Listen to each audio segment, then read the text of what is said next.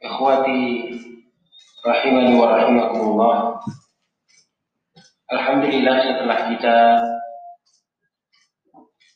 membahas tentang marfu'atul asma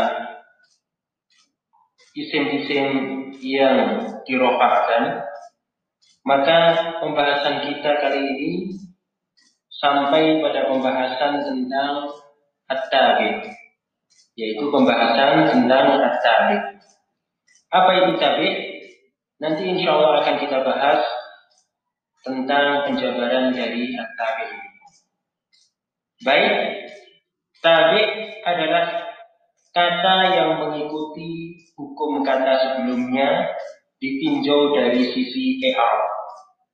Jadi, tabi ini dia mengikuti kata sebelumnya dari sisi i'rabnya. Apabila i'rab dari kata sebelumnya itu rofa, maka tabinya ikut rofa. Demikian pula apabila kata sebelumnya itu i'rabnya adalah nasab, maka tabi demikian pula dia i'rabnya adalah nasab.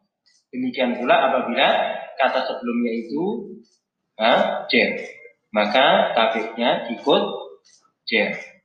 Oleh karena itu maka tepat sekali apabila pembahasan tabik juga kita ikutkan dalam pembahasan tentang marfu'atul asma. Ya, tentunya tabik pada isim-isim yang marfu. Tentunya pembahasan kita karena pembahasan kita adalah permasalahan tentang marfu'atul asma, isim-isim yang dia itu rofa, maka tabik pada pembahasan kita adalah pembahasan tabik pada isim yang marfu. Kita ambil contoh untuk dapat memahami istilah tabik. Ya, kita ambil contoh misalnya ada susunan kalimat kita perhatikan ya jaa rajulun karimun seorang laki-laki yang mulia telah datang. Nah untuk dapat memahami istilah tabik dengan baik kita perhatikan pada kalimat rajulun ya. Jaa rajulun karimun rajulun dia itu i'rabnya rofa kita perhatikan. Dengan cirinya yaitu dhammah ya cirinya dhammah nah ada kata di belakang rojul yang dia itu mengikuti rojul dari sisi i'rabnya yaitu apa? Karimun. Kita perhatikan karimun dia juga rofa ya.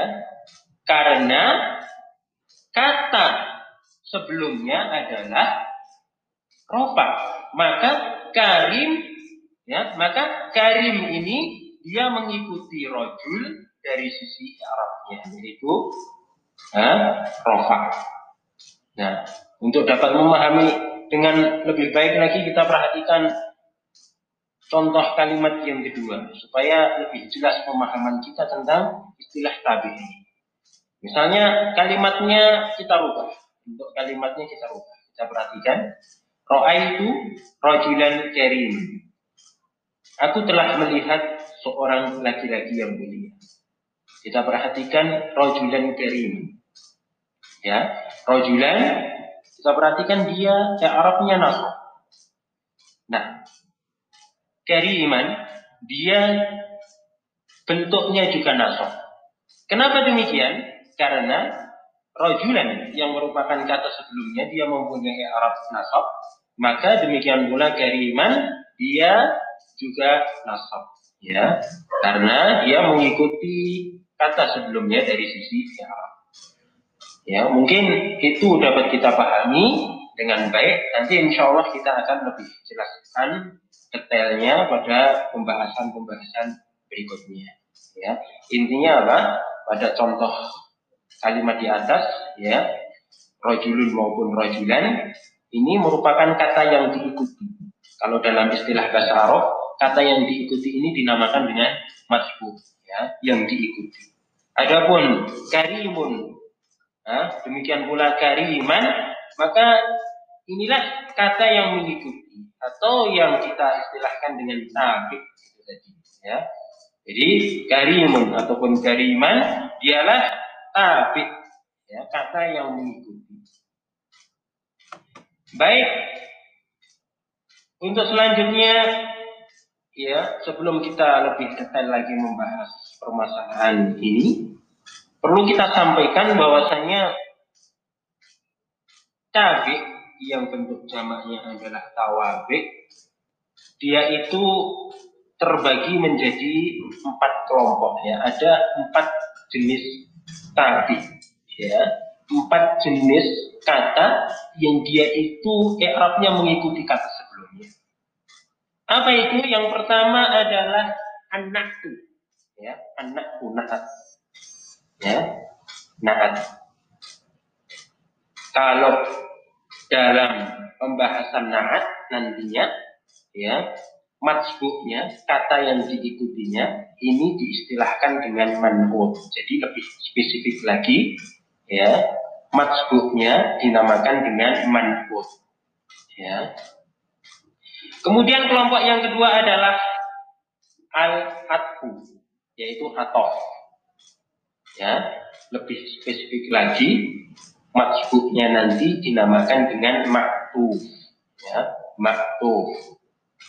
Kemudian eh, kelompok yang ketiga adalah atau kidu ya nantinya majbuknya ya, lebih dispesifikasikan di lebih uh, dispesifikasikan atau lebih spesifik ya diistilahkan dengan al muhakkak dengan al-muhakkik.